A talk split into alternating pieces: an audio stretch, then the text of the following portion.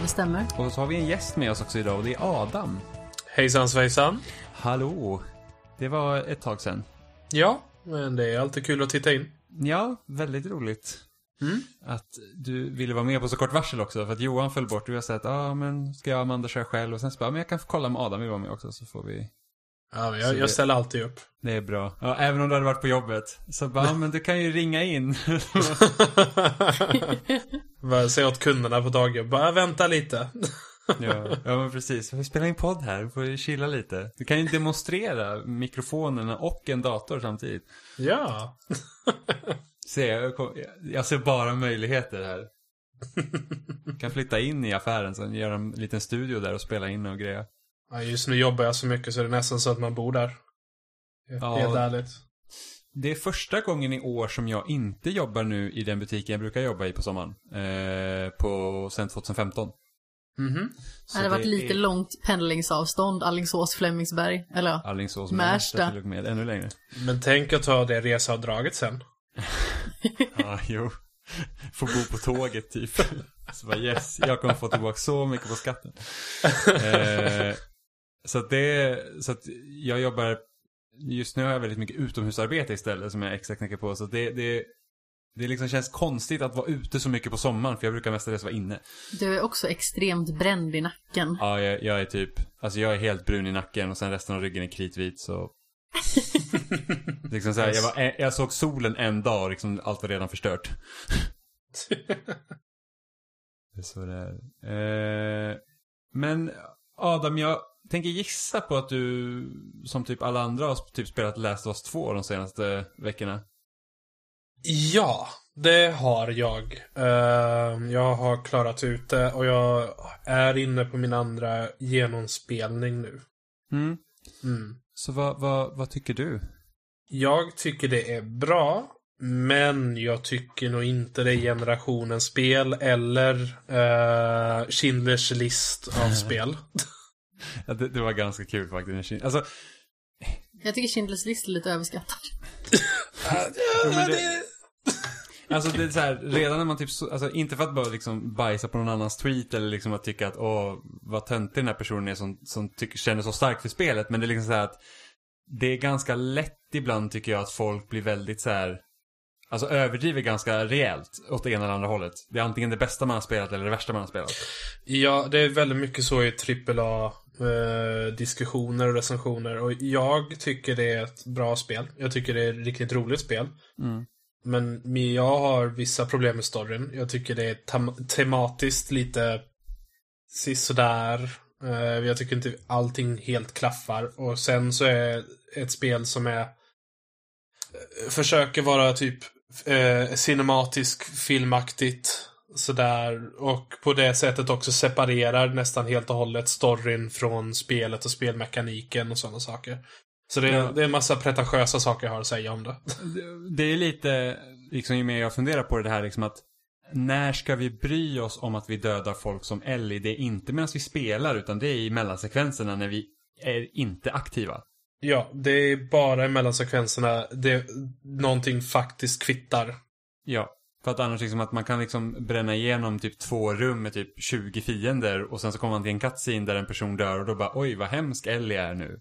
Mm. Men jag typ, jag stack min jävla chiv i nacken på typ flera personer där de typ gurglade sig till döds liksom på marken. Ja, ja, jag, jag, jag spenderat hela kvällen med att kasta molotovs på hundar och sen bara åh Åh nej! nej! Ja, Det- det, Alltså det är fan the worst att döda hundarna alltså. Alltså att döda djur i spel överhuvudtaget, det är fruktansvärt. Jag tyckte nästan att det var jobbigt att typ ha koll på vissa av robotdinosaurierna i Horizon Zero Dawn. Människorna, inga problem. men alltså, jag, hundar i spel brukar jag inte ha någon problem med för att de är alltid de jobbigaste fienderna. Här, jag, den första hunden jag dödade i det här spelet, det var faktiskt med molotov. Eh, för jag tänkte, åh, hundföraren och hunden, jag tar dem på en och samma gång. Och så bara hörde jag hur den skrek och jag bara, nej, laddade om sparfilen. ja men alltså, det, alltså jag har aldrig varit med om att det är så hemskt att döda ett, en hund i ett spel som det är här. För att det är liksom de låter verkligen som att du typ bara, alltså jag sprang fram med en kofot till den första hunden jag såg och smällde Mm. till den. Och det var liksom, den gnyr och, ja det, det var Jimmy hemskt. som också är hundmänniska. Ja, Mm. det, var, det var traumatiskt. Och, och jag, ja, men jag märkte också att man till exempel om man dödar hundföraren så, går, så blir hunden ledsen och går runt den döda hundförarens lik eh, och stannar där. eh, Har jag märkt. Så jag Ja. försökte köra den taktiken istället. Hur, hur, hur känner du för att det skriks random namn när du dödar någon ibland? Jag tycker faktiskt om, jag tycker om att de är ganska konsekventa med namnen. Så de typ bara Ah, Bob! Och sen är de Ah, Bob är död! Och liksom pratar med varandra. Jag tycker det är ganska nice. Även om vissa namn återupprepas efter ett tag. Men hej. Alltså vi fick två Shannon på rad. Det var liksom såhär, vad Shannon! Och sen dödade man nästa och vad Shannon! Ja. Nej! Så bara jävlar, det var Shannon-tätt här. Ja, men det var ju så himla fult för att vi satt ju och kom på det att, ja men, de kommer ju liksom att implementera det här med namnen och vi har hittills inte hört någonting. Eh, och då typ sekvensen efter bara Shannon! ja. Och sen rummet efter var det en ny Shannon, så man bara okej liksom. Eh, men, men sen så vi märkte också det att i, i, i, i undertexterna där så står de ju bara som VLF Soldiers. Så att det liksom, det, det blir en sån disconnect där ändå. Så de är ju inga personer, utan det är, det är bara någon eh, generator som bara slumpar fram ett namn. När det, när Ja. det liksom krävs. Så att det är så att, ja ja, liksom. Åh Ja, nej, alltså inte det, det säljer, det gäller, det, det säljer illusionen för stunden.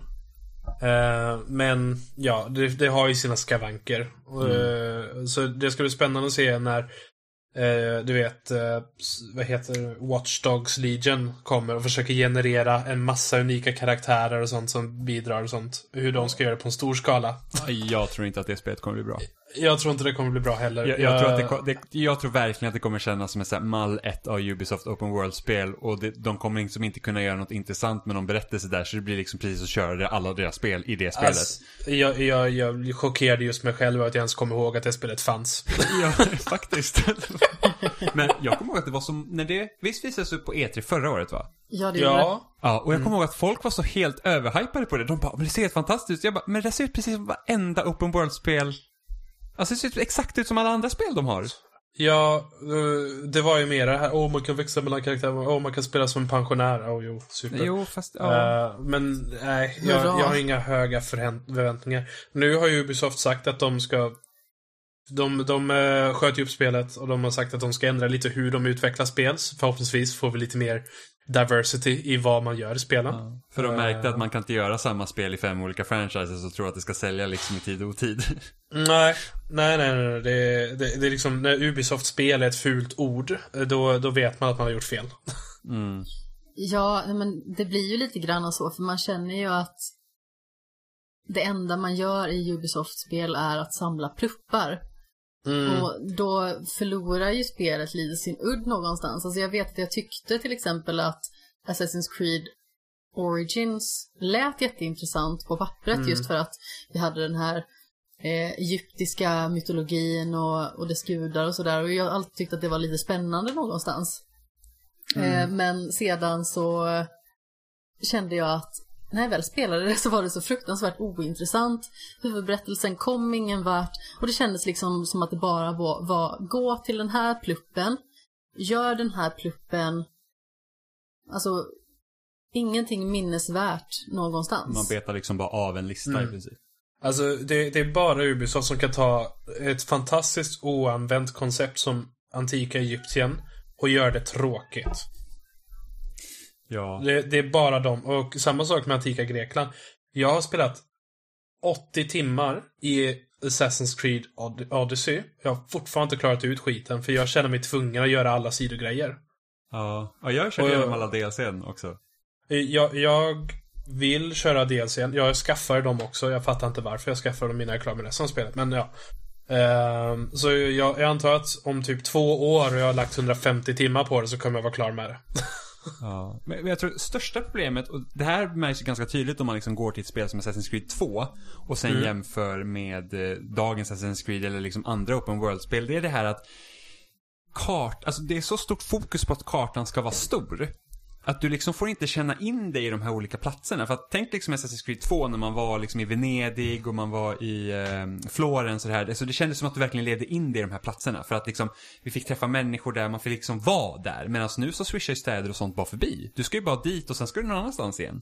Ja, alltså de hade ju kunnat ha en stor karta, men de hade, de hade kunnat lätt typ trimma av 25% av kartan och utöka storleken på några städerna egentligen. Ja, och sen liksom att okej, okay, men nu är vi i den här staden och vi har liksom en storyline som utspelar sig här.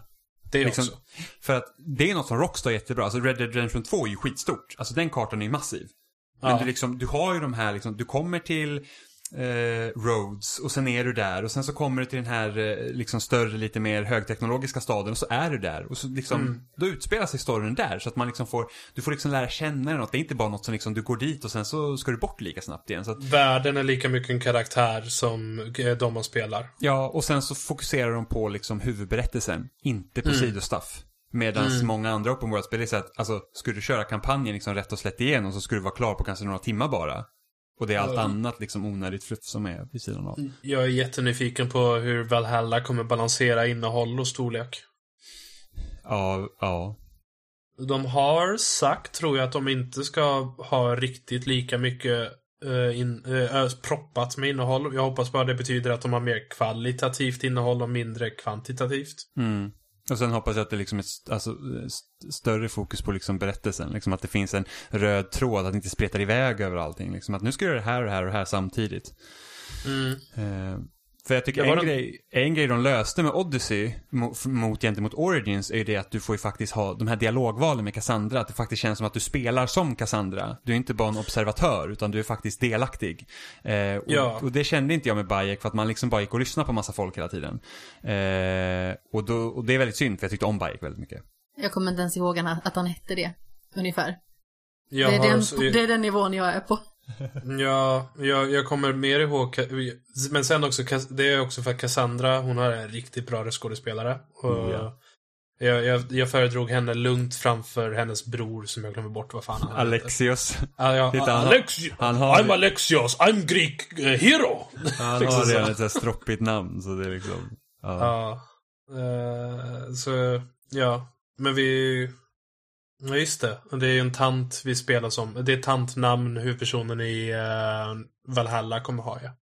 Och vad, vad hette karaktären nu igen? Det var Eivor? Ja, Eivor. Ja. Eh, gud. Ga, ga, ga. Det, det, det ska, men alltså, en sak som är besviken med Valhalla det är ju att det ska utspela sig till stor del i Storbritannien. Och jag bara, men hallå, Skandinavien?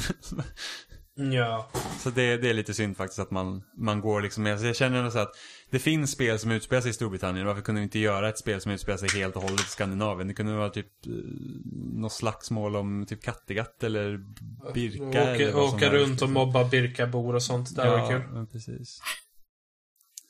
Eh, men åter till Last of Us 2. Ja.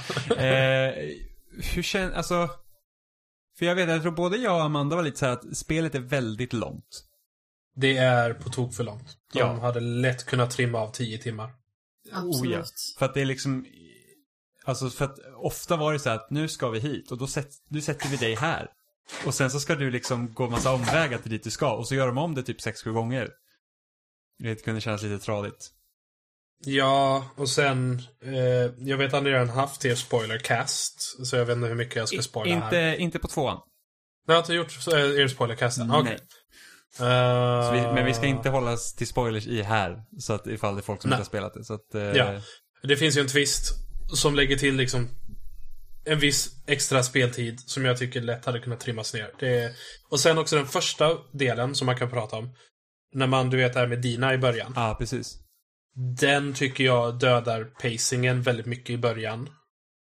Eh, när man rider runt på hästen och så. Ja, ja, det är också en del som inte jag är jätteförtjust i i spelet. Och jag, jag var ju helt övertygad om att det skulle komma fler sådana delar där liksom det trodde jag öppen. också. När, när, när de skröt och liksom av, det- av spelområdet, de största spelutrymmena vi någonsin gjort och bla bla bla. Jag bara, aha, men då kommer det vara fler sådana här portioner, typ köttbullar eh, i stories som, är, som man får utforska sånt. Nej.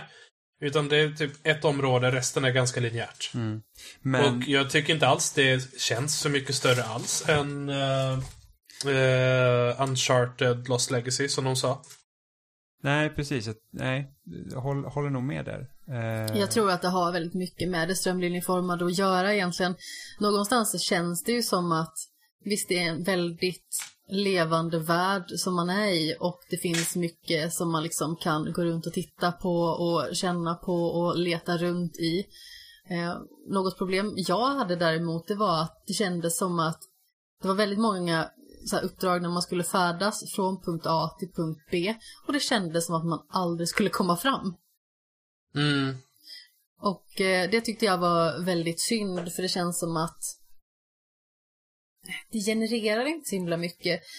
För att i första The Last of Us då hade man ju två karaktärer som byggde upp en relation under den vägen.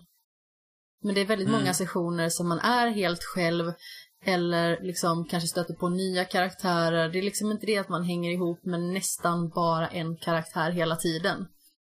Eh, så det blir liksom inte det att relationsbyggandet får Så- ett så- uppsving.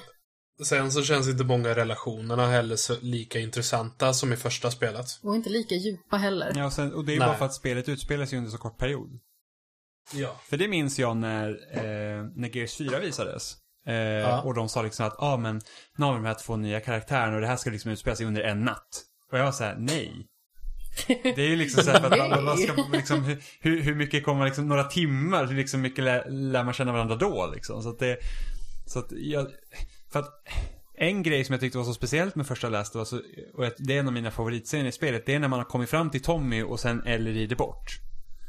Eh, Mm. Och sen när man kommer dit och hon liksom säger att ja, men alla lämnar mig utom dig. Liksom, det har ju, då har man liksom spelat med Ellie ett tag och byggt upp till den här punkten. Så man liksom, man liksom förstår hennes motivering här. Jag känner att i, i tvåan, det är liksom den delen, de delarna saknas. För att det liksom finns inte riktigt tid till det. För att det är inte så spelet är strukturerat. Och det tycker jag är, är väldigt synd. Eh, och sen finns det ju såklart av andra orsaker att man inte kan göra så, vilket liksom, och vi kommer ju ha en spoilercast på tvåan sen, när vi ska prata om de här grejerna, men där känner jag verkligen så att på grund av vissa saker som händer så gör det att det är omöjligt. Och då är det så att, okej, och det, det gör att jag känner att det finns saker som saknas här, för jag, det finns vissa saker jag gärna hade lagt mer, större vikt på, om man säger så. Mm. Eh, Nu finns det ju, precis som du sa Adam, där en twist. Ja. Eh, ganska så långt in i spelet. Och jag känner att med tanke på hur spelet inleds så önskar jag att eh, ordningen på hur man spelar olika saker hade varit annorlunda. Ja, jag tror att mycket av spelet hade kunnat kännas lite bättre i in-editing. Om man hade skifflat runt lite saker. Och trimmat bort några onödiga segment och sånt. Ehm, sen finns det ju andra saker jag inte tycker om med storyn ändå. Ehm, jag ser fram emot att faktiskt lyssna på er spoilercast när den kommer. mm. Eh, för jag, jag har haft starka åsikter. Eh, jag har inte skrivit nå, nå, någonting direkt om det på Twitter för jag väntar till fler har klarat ut spelet. Men jag, jag har åsikter om själva slutet också. Mm. Eh, så jag tycker det är ett okej spel, men jag tycker inte det är så bra som många säger. Nej, och jag tycker inte att det är liksom det bästa gaming har att erbjuda heller. Jag tycker det är smått förolämpande mot andra spel, alltså, att säga. Jag tror också att, och det här är någonting som jag, jag har nämnt liksom tidigare, i alla fall i den här podden, det är det att jag tror att mainstream spelmedia spelar för lite spel. Indies och mellan, och t- dubbel-A-spel och sådana saker. Det är liksom, ja, det är mest de här stora produktionerna och sen är det några små spel som liksom springer förbi. För det märker man ju så att, åh, jag har liksom aldrig sett ett spel som har gjort de här grejerna. Man säger, men jo, det finns. Alltså, skillnaden på Naughty Dog och många andra är att de kan ju liksom ha, de har otroligt mycket mer resurser. Alltså, Ja. så tekniskt imponerande som spelet är, det är det inte många Alltså som kommer i. kvaliteten som Naughty Dog någonstans sätter i sina spel, alltså den överträffar de flesta. Alltså de gör saker med sådan precision någonstans att det, det är fascinerande hur Och, bra produkter de konstant levererar. ja. och sen kan man också ta upp diskussionen kring, ja, de har de mest fantastiska animationerna där man modifierar vapen någonsin. Och sen har, hör man historier också om crunch och sådana saker på studion. Och då är frågan, var det värt det? Mm. Ja, men det är typ som Amy Henning liksom har ju sagt typ i intervjuer så här, liksom att hon har, alltså, i, i, nu, nu, nu är det liksom bara paraphrase här men det är typ så här att hon i princip har arbetat så mycket så det liksom inte funnits något tillfälle henne för typ att bilda familj för att typ jobbet var det viktigaste och det är liksom, hon tycker inte ens att det är värt det. Liksom att sitta Nej. så många timmar för ett, liksom ett spel och liksom bara typ totalt bränna ut sig, det är liksom varför? Mm. Eh, och det, det var ju samma sak med Red Dead Redemption 2, liksom Rockstar liksom, ja ah, men typ hästens pungkulor åker upp och när det är varmare och man säger bara, but why? Vill man vara personen som liksom sitter och animerar det här dag ut och dag in? Jag sitter någon och gråter och bara, jag älskar hästpungkulor. Sluta mobba mig. men, liksom, men samtidigt är det så att jag har inte tillräckligt stor koll på spelutveckling heller för att veta liksom att, ja men lägger vi till det här så kommer det försena så här mycket. Liksom att det, det, det kan ju vara liksom, alltså det finns studior som inte arbetar efter crunch som det också går bra för. Ja. Eh, och just det att det finns liksom forskning på som visar att, liksom ett, ett, ett, att mycket övertid ger inte bättre produkter. Det, det gör Nej. att allt tar mycket, mycket längre tid.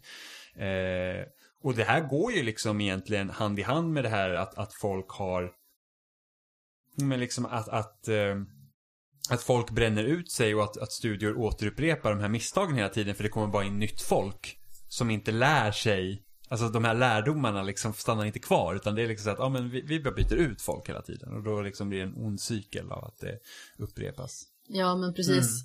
Sen, vi pratade ju lite om eh, betyg och sånt på spelet. Det känns ju någonstans som att de man ser har väldigt så här onyanserade åsikter. Eller i alla fall, alltså det är de som syns någonstans. Det känns som att vi har ena stapeln personer som är typ så här 11 av 10 bästa spelet någonsin.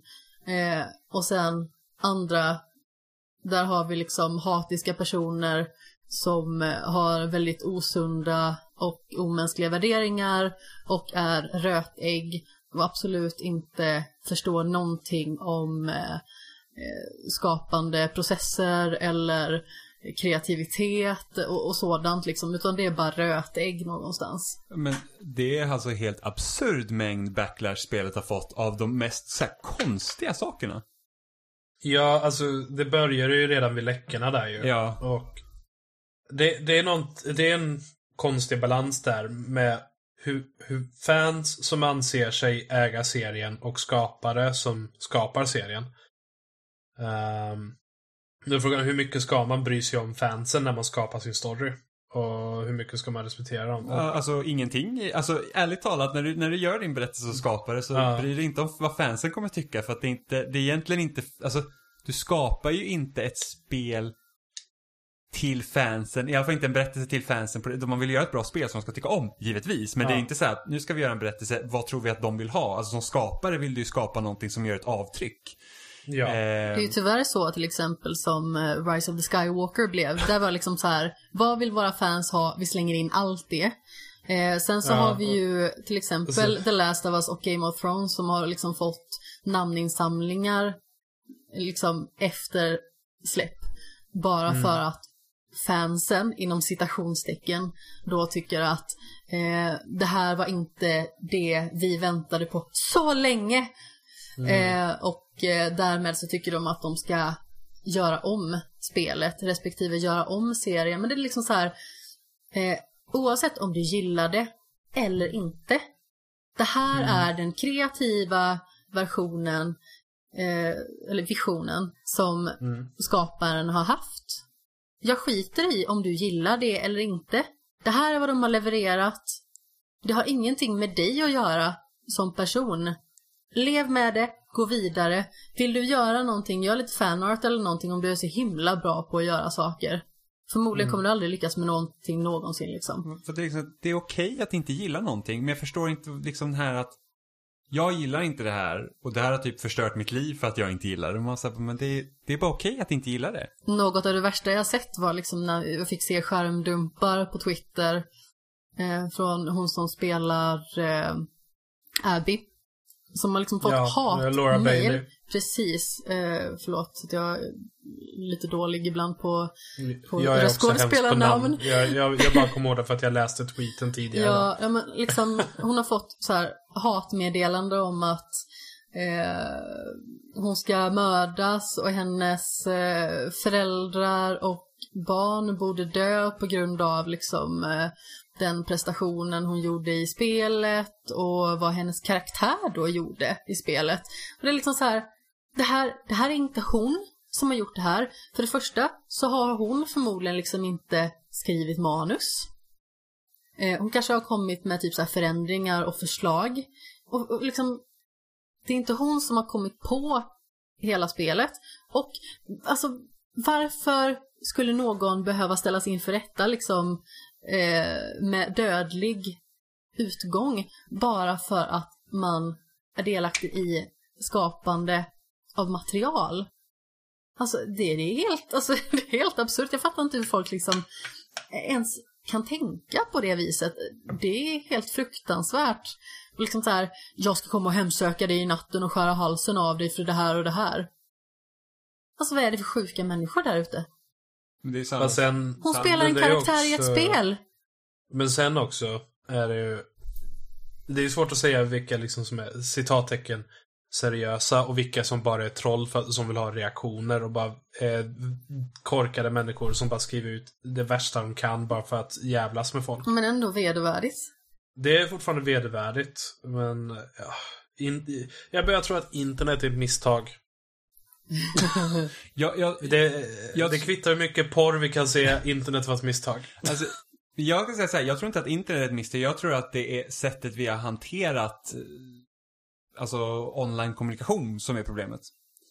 För att jag vet att, alltså, när, alltså för runt så här 10-12 år sedan liksom började eh, använda mycket forum och sånt på internet så var det mycket det här att, ja ah, men du ska inte bry dig vad någon skriver på internet för det är bara på internet. Eh, och jag har ju alltid ansett det är liksom, det är kommunikation oavsett liksom vad man gör via. Så att så länge man har liksom kommunicerar med andra människor så ska man liksom bete sig. Eh, och jag tror liksom att där att, och det börjar ju märkas nu med de stora företagen också, liksom att modereringen har varit för slapp. Det är liksom att man tillåter att saker och ting sker och sen så säger man bara så här att nej men alltså det går inte att göra någonting åt det så att man låter det vara. Och det är, det är där det börjar gro. Det är därför jag tror att liksom klimatet oftast är så hårt. Eh, och speciellt då liksom inom spel som är liksom tävlingsinriktade och liksom att, att, att eh, liksom när det är så att man tävlar då det, det kan ta fram det värsta ur folk. Eh, och, och att det inte görs något åt. Därför är jag liksom väldigt glad liksom att typ så här Rainbow Six Siege där att börjar man ju liksom försöka ännu hårdare liksom bara så att det är bara ut. Alltså det, det är liksom att beter dig illa då har du ingenting där att göra. Och jag tror att det, det är så hårt man måste ta det. Mm. Och jag vet typ liksom att alltså, Reset Era är liksom ibland ett stående skämt för att de är väldigt hårda i sin moderering. Men jag tror fan att det är liksom... Ibland känner jag bara så att nej men alltså ärligt talat. Beter dig inte så ut. Det är liksom, va- var, varför ska man stå ut med någon som inte liksom kan bete sig? Det är precis som i verkliga livet. Så att, så att ibland, ibland tror jag liksom att man, det, liksom, det, det ska inte vara, och tillåta göra vad som helst. Hela tiden. Och sen där tror jag också att tillåter man också att liksom den här typen av liksom negativ eller liksom, eller ja, rasistiska, homofobiska liksom kommentarer liksom vara en del av ett community. Det gör ju att de vettiga människorna söker sig bort och det kommer inte nya dit. Och då, då har du liksom bara skiten kvar. Det är liksom bara ett infekterat ställe som ingen vill ta sig till. Mm. Förutom rötäggen som liksom är kvar. Så att ibland så här typ att men typ man får något argt meddelande på Xbox Live eller någonting sånt. Så ibland känner jag liksom så att om jag rapporterar den här personen så ska jag liksom, jag skulle vilja ha liksom, få ett meddelande så att, ja men nu har vi liksom, nu har vi kollat på din liksom rapport. Och vidtagit, alltså jag behöver inte ens veta vad de har vidtagit för åtgärd, men bara att man ser att någonting händer. Så att, Fast ärligt talat, jag, jag, jag saknar de gamla Xbox Live-meddelandena man fick ändå. Det kändes... I jämförelse med vad vi har idag så kändes det väldigt wholesome. Alltså, för någon som satt och spelade flera, flera år på mobilt bredband har jag fått min beskärda del av hatmeddelande på grund av att de tycker att jag laggar. Och man får liksom typ svara så här, du, du vet att om du ser mig lagga, vad tror jag att jag ser dig göra då liksom? Att jag, så Ah, att det var typ, när jag, alltså, jag kommer ihåg när jag spelade första Titanfall så himla mycket och jag blev ganska bra på det liksom att jag, eh, för att jag tror en av challengerna man behövde göra det var ju det att man skulle skjuta piloter som hade liksom eh, blåst ur sin Titan. Liksom att de skjuter sig rätt upp i luften. Eh, och så skulle man liksom döda dem i luften innan de landar och det var jävligt svårt i början. Jag blev jävligt bra på det sen bara för att man behövde ta challengen för att eh, kunna levla upp till max. Jävlar vad mycket meddelanden jag har fått på grund av det. Liksom att folk har varit så jävla sura för att man lyckas göra det. Eh, så att det, ja. Men sen så finns det liksom så här ställen typ som att spela Left 4 Dead. Eh, och körde med randoms liksom eh, en bana på expert. Och vi hade liksom inga mikrofoner och vi hjälptes åt varandra. Och då är det liksom helt fantastiskt. Liksom sättet man kan kommunicera på och hjälpa till. Liksom. Så att det, det är inte bara mörker där ute liksom. Nej men det är oftast det som syns. Just bara för att det drar ner så himla mycket när folk är rövhål. Men sen jag tror också att alla företag och sånt, de har liksom tillåtit det att ske. Jag tror att det är det stora problemet. Att man har tillåtit att det faktiskt finns. Och att det liksom inte har tagit, vidtagit tillräckliga åtgärder för att liksom se till att det, det, det stoppas så mycket som möjligt. Ja men det är lite grann som mobbing i skolan någonstans. När lärare liksom har någonstans tillstånd att säga att Ja, men han slår ju dig för att han tycker om dig och inte vet hur han ska visa det. Alltså, då blir liksom personer som de blir. Ja. Eller när det liksom inte finns några konsekvenser för att folk snackar skit bakom varandras ryggar eller eh, säger till varandra att de är fläskberg eller eh, har problem med att eh, någon har eh, en liksom annan eh, utgångspunkt i livet bara. Alltså man måste liksom börja på en tidig nivå känner jag med att fånga upp de här idioterna och visa dem att det är inte okej att bete sig hur som helst. Och problemet är liksom att det är så många som kommer undan så himla lätt.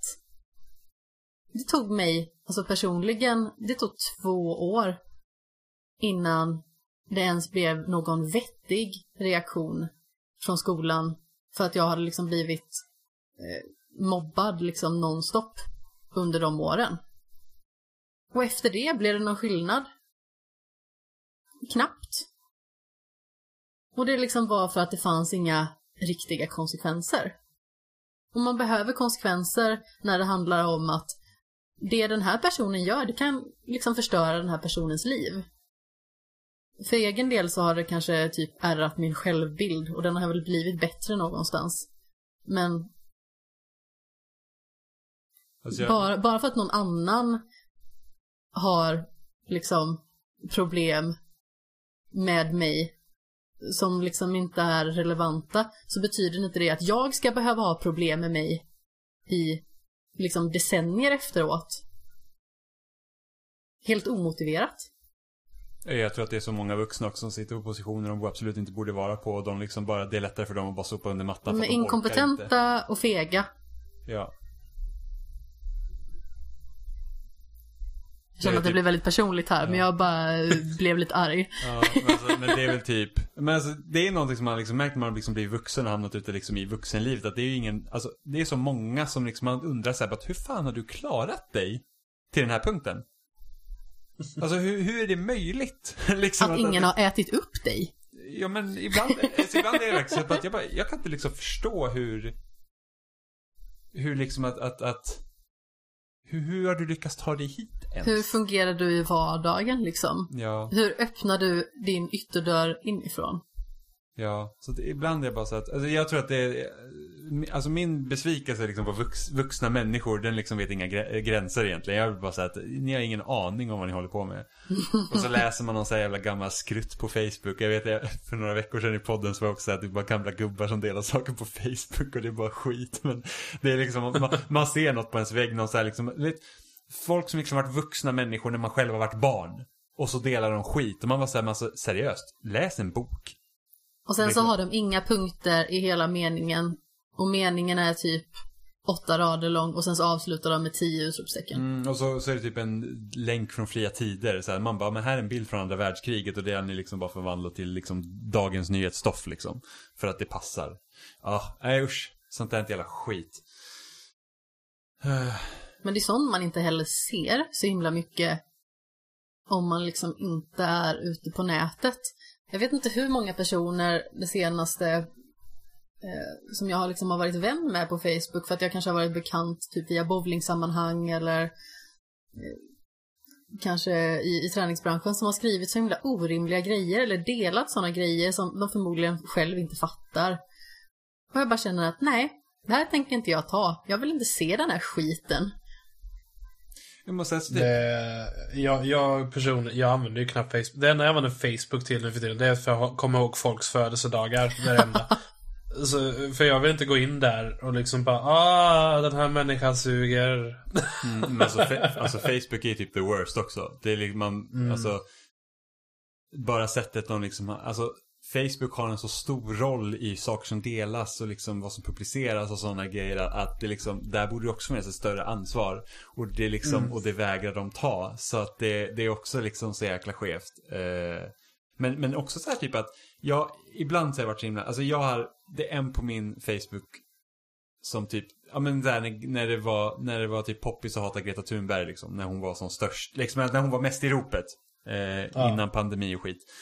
Så var det någon som delade. Och den här personen har ju barn som är typ i samma ålder. Så att jag skrev ju det. Jag var liksom okej, så du liksom tycker att det är okej att du sitter och mobbar här liksom en ung eh, liksom kvinna då.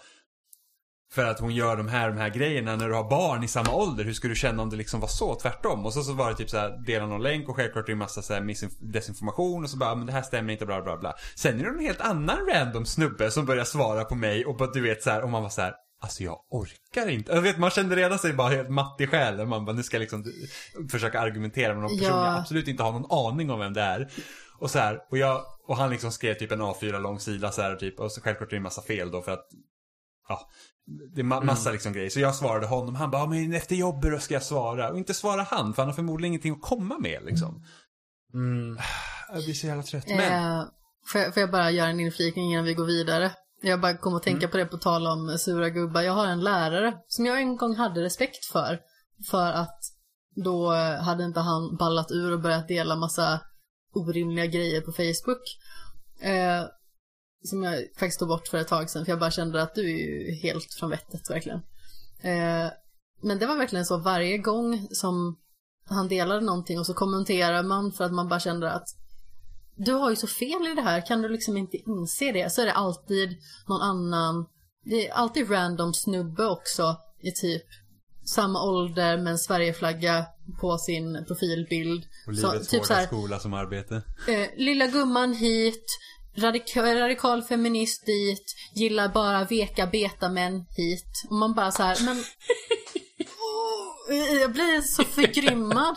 Och alltså, speciellt den här läraren då som jag hade som började skriva liksom om eh, eh, typ alfahanar som att det liksom var typ så här det är det man ska vara och man ska känna liksom blodtörstighet och man ska kunna försvara sin familj. Bara från vad? Från sådana som du? Eller vadå? Alltså, jag förstår inte. Med, med hur världen är på väg så lever vi alla snart i ett Mad Max-samhälle. Så jag tror det är faktiskt en sak att behöva snart.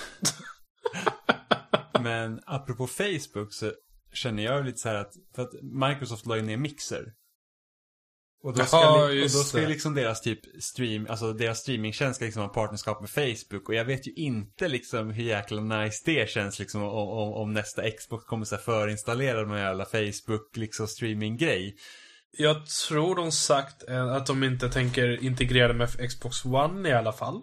Eh, jag hoppas inte de lägger till det, för jag kommer aldrig använda det i alla fall. Nej, Jag förstår liksom inte riktigt, för jag kommer ihåg att när både PS4 och Xbox One kom ut, då var ju de liksom, då var ju Twitch var ju liksom huvudstreamingtjänsten på konsolerna och sen så, jag tror den finns kvar på PS4 men jag tror du inte kan, du kan inte streama från Twitch på Xbox One liksom i maskinen längre. Osäker. Men jag tror faktiskt att när PS4 släpptes så var det Ustream de hade först. Var det inte Ustream och Twitch samtidigt? Eller var det bara Ustream först? Jag tror det var Ustream som var integrerat först. Jag tror Twitch kom senare. Men jag kan ha fel. Jag kan ha helt Det fel. var ju dock helt fantastiskt att ha, för att Ustream var en plattform som, när jag började streama, eh, så då använde vi Ustream. Eh, och jag Ja. tror Twitch var Justin TV vid det här tillfället också. Om jag inte Mm. helt fel. Eh, men det var roligaste var att när, för att Ustream på PS4, så det var inte, du behövde inte streama bara spel om du inte ville. Eh, och det bästa var att när PS4 var ny, det var någon som hade lagt upp en typ, en docka som såg ut som en get och hade talkshow på Ustream. Och det var så jäkla roligt. Så han körde varje Ah. kväll, liksom satt den där jävla geten där och liksom bara typ pratade om allt möjligt. Helt fantastiskt. Okej, är det- internet är inte totalt miss, misslyckande ändå. Nej, verkligen inte. Vi har fått typ såhär Twitch Plays Pokémon och sådana grejer liksom. Och memes. Mm. Mm, memes. Så det är, det är nice. Men eh, vi hade en annan grej vi liksom tänkte prata om idag. Och inte bara skälla på att internet är typ sämst. För att jag, jag tror att ingen av oss tycker att, in- jag, jag, jag tycker inte internet är sämst. Jag tycker att internet är ganska fantastiskt många gånger. Ja, Men- absolut. men det finns många liksom- aspekter av internet som är fantastiskt, men det finns också så många djupa avgrunder som man bara känner att hur ska jag någonsin ta mig upp? Ja, men verkligen. Och så här, man har liksom bara sett, alltså kan inte bara folk se hur orimligt allt det där är liksom. Det är. Men, men så här i semestertider, och nu vet vi att du har haft halva din semester redan Adam, så RIP eller någonting. Ja. Men, men du hoppas på dina två veckor eh, till i, om, om chefen någon kommer tillbaka. ja, det hoppas jag. Eh, men då när man är ledig och så, så brukar det liksom finnas tillfällen då att eh, spela lite vad man vill. Eller ta igen sånt som man missat. Så vi tänkte bara så här, att vad, vad, vad, vad skulle man liksom hinna, hinna spela under semestern när man är ledig? Och då hade vi tänkt att välja ut tre spel som eh, man vill spela. Då kan vi, vi kan ju köra eh, bordet runt och så tar vi ett i taget. Och jag tänkte att Mm. då får du börja Amanda eftersom det var din idé. Okej, det kan jag väl göra. Mhm. Eh, nej men jag kommer ihåg liksom att förra året då hade jag för första gången liksom en ordentlig kontinuerlig semester eh, tre veckor i rad. Vilket jag liksom inte riktigt tidigare haft på, på det sättet. Eh, och då kände jag att jag hann att spela med, eller spela ganska mycket.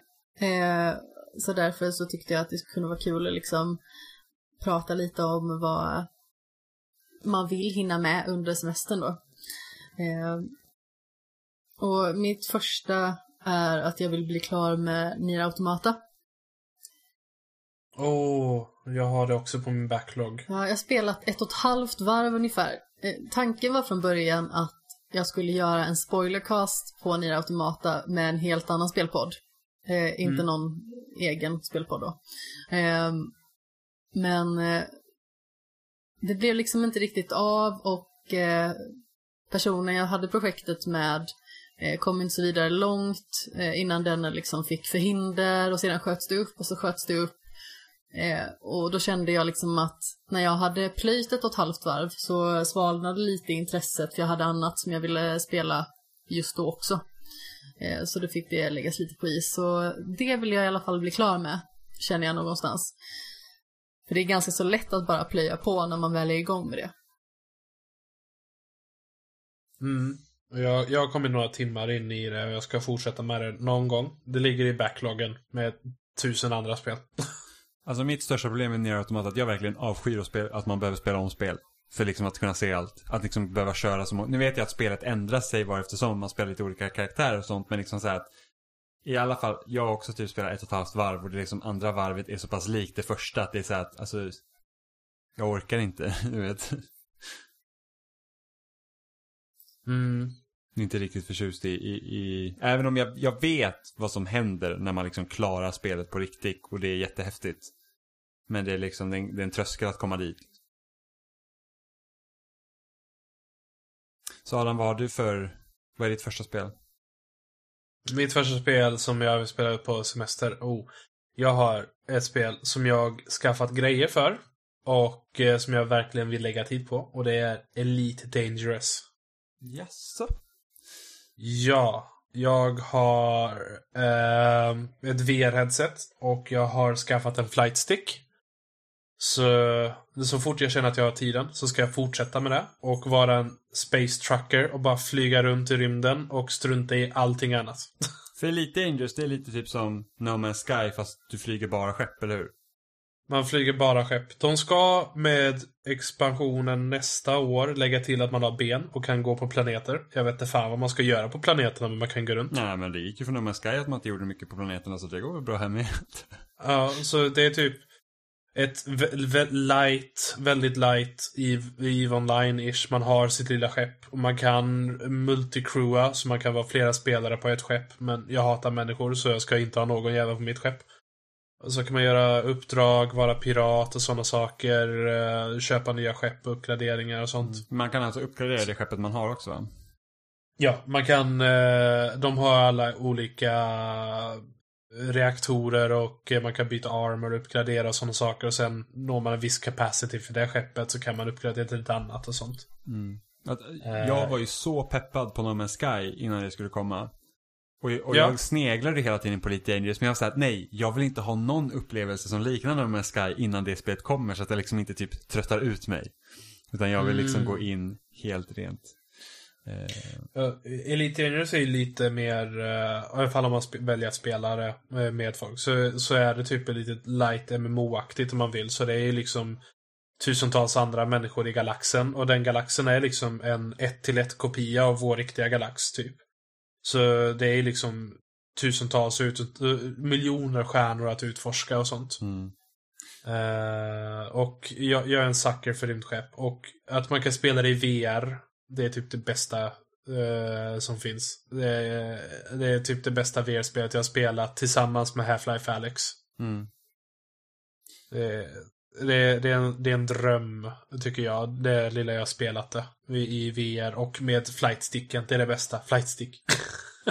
Ja, jag kan verkligen tänka mig att det är skithäftigt. Jag kommer ihåg, det var, Mm. om det var, kan det vara två år sedan nu när de liksom, när det var någon som träffade på något så här typ myskoskepp eller något sånt, bara helt random dök upp någon så här typ alien-livsform eller något de trodde. Ja, de introducerade en utomjordisk eh, ras och någon form av dold storyline där. Jag har inte stött på några än och jag vet att om jag gör det så kommer jag skita på mig. För det är typ en av de häftigaste grejerna man kan liksom ha ett spel, liksom då man ska klassa det som ett spel som tjänst som liksom hela tiden under utveckling. Det är liksom att utvecklaren kan lägga in grejer som de inte säger till om. För att någon Mm. upptäcker det och det liksom blir värsta grejen. Eh, Mm. För det var ju också en sån här grej med, med just med Man's Sky var ju det här att utvecklarna sa ju liksom innan på förhand liksom att ja men vi liksom ser grejer idag som vi inte har sett förut bara för att algoritmerna liksom räknar ut liksom grejer och det är ju klart att det är omöjligt liksom att veta allt som kommer vara där. Och sen när man själv spelar så känns det som att man hamnar liksom ändå i den här liksom lunket av att säga att okej men jag förstår hur det fungerar liksom. Det är inte så spännande längre. Eh, men just att det kan komma in sådana här grejer och bara säga att helt och hållet vända upp och ner på liksom allt. Men typ som när man när man spelade The Witness och började liksom se pussel utanför pusslen. Liksom typ Mm. den liksom formen av mindblown. Man så bara åh. Det är liksom att man öppnar upp ett nytt lager av spelet. Vilket är väldigt häftigt Mm. faktiskt. Ja. Eh, jag har, jag, jag har inte sett ett specifikt spel först. Utan jag är så här att jag köpte Xbox-spelen av Splinter Cell. När de var på rea. Och jag har aldrig spelat de tre första Splinter Cell-spelen. Har du inte? Nej, mitt första Splinter Cell var Double Agent på Wii. Åh, just det, din stackare. eh, fast, en anledning till att jag köpte Splinter Cell Double Agent också var för att jag älskade Alias och där var man en dubbelagent. Så då tyckte jag att Double Agent på Splinter Cell var ju såhär, ja det måste jag spela. Eh, men jag har inte spelat Splinter Cell, Chaos Theory och Pandora Tomorrow. Och de var på rea här Åh. veckan så att de köpte jag. Det är bra spel. Jag, jag köpte alla Splinter Cell-spelen direkt när de kom på Xbox. Mm. Det är lite synd att de inte har släppt fler Xbox-spel. Ja, förhoppningsvis börjar det igen när nästa generation kommer. Samtidigt vet inte jag riktigt vilka Xbox-spel jag väntar på. Det är typ Max Payne 1 och 2 tror jag skulle vilja spela. Max Payne 1 och 2, eh, GTA-trilogin. Ja, Vill jag ha. de körde jag på PS4 nu i våras. Ja, eh, jag, jag vill ha med den uppskalningen som de har. Det, eh, och så. Mm. Och sen har jag hela jag har GTA-trilogin på skiva. eh, på Xbox. Och jag vill kunna bara köra in dem och kö- eh, spela. Mm. Eh, sen så har jag uh, Psyops, The Mindgate Conspiracy. Ett spel som bara ligger här och väntar på att jag ska spela det. Typ 20 år senare. Jag vet inte ens vad det, vad är det för typ av spel ens. Det är ett tredjepersons actionspel. Som eh, man har psykiska krafter och eh, mördar folk. Typ. Som, som alla andra spel på den tiden, typ. ja, med tanke på att vi så här pratar om Last of Us 2 där man typ mördar folk så är det inte så mycket har ändrats. Faktiskt. Fan, fan. Äh. Det är typ, kommer du ihåg, det var ju det här um, First Person Shooter-spelet 13. Som skulle, som, som Ja. skulle få en remaster som skulle släppas i höstas och sen sköts det upp som ska komma den här hösten istället. Det, det ser jag fram emot. Apropå Ja, jag har aldrig... Jag har hört att det är en kultklassiker. Det är från Suda 51, eller? Nej, Nej. det är Killer 7. Så, Det är Killer 7. Åh, fel spel. Fel, de hade liknande grafikstil, väl? ja, cellshaded. Eh, ja. ehm, så det har jag hört mycket gott om, så det vill jag spela. Sen vet man ju inte liksom vad så här, ibland undrar man lite också vad så standarden var när 13 kom ut. För det räcker ju liksom att, åh, det ser ut som en serietidning, 10 av 10, typ. Ja. Eh, Amanda, vad är ditt andra spel? Ja, eh, mitt andra spel är Nino Kuni 2 Revenant Kingdom. Oh, jag har inte spelat ettan än. Och jag gillar inte när folk säger egentligen så här, det måste du spela, men eh, det är ett fantastiskt spel. Det är mitt eh, favorit i RPG. Jag tycker att det är underbart. Eh, striderna är lite eh, oproportionerliga, då bossarna är ganska mycket svårare liksom än de vanliga fienderna. Men eh, berättelsen, stämningen, musiken, alltså allting är, det är verkligen underbart. Och jag tycker att tvåan är jättebra. Och jag är väl ungefär 60 timmar in. Eh, man behöver ju egentligen inte spela så mycket, alltså det är ju över egentligen kanske i huvudberättelsen på typ 30 timmar. Men eh, jag har liksom sprungit runt och pillat så himla mycket och sen så kom liksom ett annat spel i vägen. Och när jag skulle återvända till Nina Kuni så hade liksom min entusiasm för att spela just då, det lät som att jag sa entusiast, men det var för att jag var tvungen att kväva en rap. min entusiasm eh, för spel eh, hade lite grann eh, blåst bort bara för att jag stötte på en spelbesvikelse. Eh, så ja, det var lite synd eh, någonstans att jag inte riktigt fick bli klar med Nino Kuni 2. Eller fick. Mm. Jag hade kunnat sätta mig när som helst, men det kändes liksom som att magin hade försvunnit lite grann. Men nu i och med att jag sitter på en liten skärm eh, så är det extra bra för att texten i spelet är ganska liten. Så det blir extra fiffigt att eh, kunna se vad tusan det står. Så jag tänker att eh, det är dags att bita tag i den nu, en gång för alla. Alltså, någon är ju så här stort behov att uppdatera sin tv som typ är 15 år gammal. 15 år gammal är inte. Och i och med att du bor här nu så eh, har vi ju din tv och min tv står nere i källaren. Så att eh, vi har en jättebra tv och så har vi en jättebra datorskärm i vardagsrummet. Och jag tycker det fungerar hur bra som helst. Jag propsar fortfarande på att Amanda behöver en större tv. Ja, jag ska skaffa det, men det finns... 75 år eh, börjar sakta bli mer populära, ska jag bara säga. 75, ja, men, så här, vi ska ha två tv-apparater bredvid varandra. Så här, vi får inte riktigt plats med så här, två 75 tums tv-apparater bredvid varandra. Vi kommer ta upp 265 hela år kan vardagsrummet. du nöja er med. Ja, någon gång blir det så. Alltså, jag känner så här typ att jag, jag bytte upp från 42 till 55. Och då var jag nästan så att jag skulle nästan ha köpt en 40-tummare ändå. Men jag var så här, nej, ska man köpa en ny tv då ska det i alla fall vara större, inte mindre. Hur stor är min tv? Din lilla? Eller vil, vilken tv? Alltså, Min tv, inte min skärm. ja, okej, din tv. Jag skulle gissa på att den är en 32. Ja, det låter rimligt. Det, det, det är Så en- bra koll har Det är en jag på min 32 tv. med tjocka ramar. Ja. Ja. Ja, Och det är från den Och det är näst, ja, precis. Det är så att man förväntar sig bara liksom en liten så här klisterlapp där det står HD ready på. Det är liksom lite på den nivån. Fast den var 1080p. Eh, Även om min Xbox först ställde in sig automatiskt på 720 och så spelade jag eh, Ori and the Will of the Wisp. Och jag sa bara, fan vad suddigt det är. Jag bara, jag måste kolla upplösningen. Mm. ja. Eh, ja. Adam? Ja, men, ni- alltså Adam Nino Kuni 1 borde du verkligen spela. Ja, jag, funder, jag ska skaffa remastern. Jag vet inte om jag ska ha den till PS4 eller Switch. Switch. Jag vet inte hur Switch-versionen är. Jag undrar om inte... bilduppdateringen på Switch-versionen är lite skev. Men jag är osäker på om jag kommer ihåg fel. Jag tror att Digital Foundry har gjort någonting på... Alltså, det, det som är ja. bra med Switch, om jag får liksom tala utifrån erfarenheten av att ha spelat första spelet på PS3, eh, så är det ju så att det är hyfsat långt mellan sparpunkter och man kan bara spara på specifika ställen.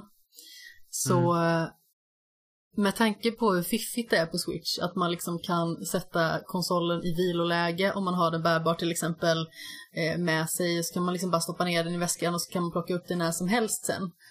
Eh, så är det väldigt fiffigt. Alltså visst, spelar man det på PS4 så kan man naturligtvis sätta konsolen i viloläge också, det gör jag ganska ofta. Men eh, just tillgängligheten med Switch tror jag gör spelet eh, några tjänster faktiskt. Okej. Ja, Jag ska kolla lite vad de säger om olika versioner. Men jag funderar på att skaffa det. För jag, jag fick, jag har det till PS3 men jag spelade typ inte mer än några timmar in. Men plus att det är ju så att på vissa ställen så kommer man kanske behöva att grinda lite granna. Och då kan det vara liksom skönt om man har det liksom bärbart då på sin switch.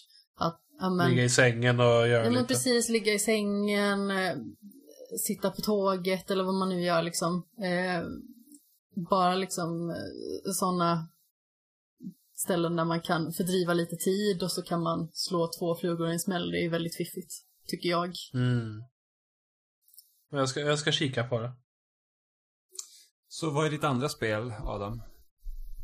I mitt andra spel som jag skaffade nyligen på en rea men eh, knappt satt tänderna i det är Battletech.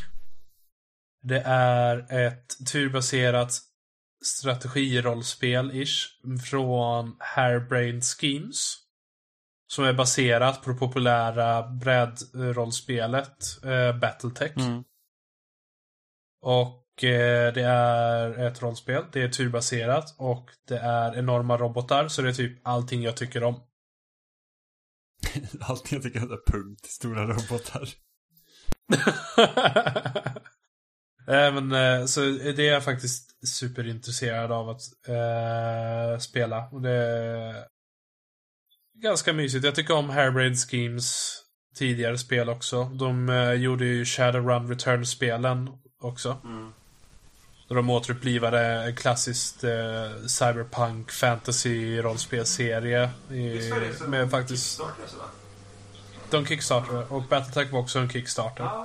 Eh, och det gavs ut av eh, Paradox, ja. Och de har fått alla sina expansioner och så nu, så ja. Men jag köpte det utan expansion och ska köra igenom huvudstoryn där. Och jag har kört första uppdraget, två uppdrag tror jag. Och det känns ganska nice faktiskt. Jag tror, undrar om inte Johan spelade Battletech när det kom ut. Mm. Jag minns ej. Men jag är ju här många gånger när jag ser de här strategispelen så jag jag skulle så gärna vilja spela det och sen så, så här, jag spelar inte så mycket på dator så det liksom blir aldrig av. Och sen många av de strategispelen när de väl kommer till konsol så känns det inte riktigt så som man vill. Nej, jag, jag har ju skaffat det till PC. Eh, och jag, jag tror jag känner att det är nog bäst till PC där, för det är så många olika saker att välja mellan. Mm. Till exempel vart man, ska, eh, vart man ska gå, vilken riktning man ska titta, vad för attack och vapen man ska använda och sånt. Mm. Eh, så det, det, är, det är ganska pilligt av sig och jag tycker om pilliga spel. Eh, jag skaffade nyligen ett spel som heter uh, Battlestar Galactica Deadlock. Mm. Och det är superpilligt och jag älskar det. Men det funkar bra liksom med mus. Eh, Det, det fungerar bra. Så. Och det finns till konsol också, Battlestar Galactica. Jag vet inte hur det är där. eh, Jag vet att på Xbox så kan man ju faktiskt stoppa in mus och eh, det finns spel som stödjer det. Eh, Jag tycker Mm. att The Sims 4 stödjer mus och tangentbord och jag är såhär bara att åh nice.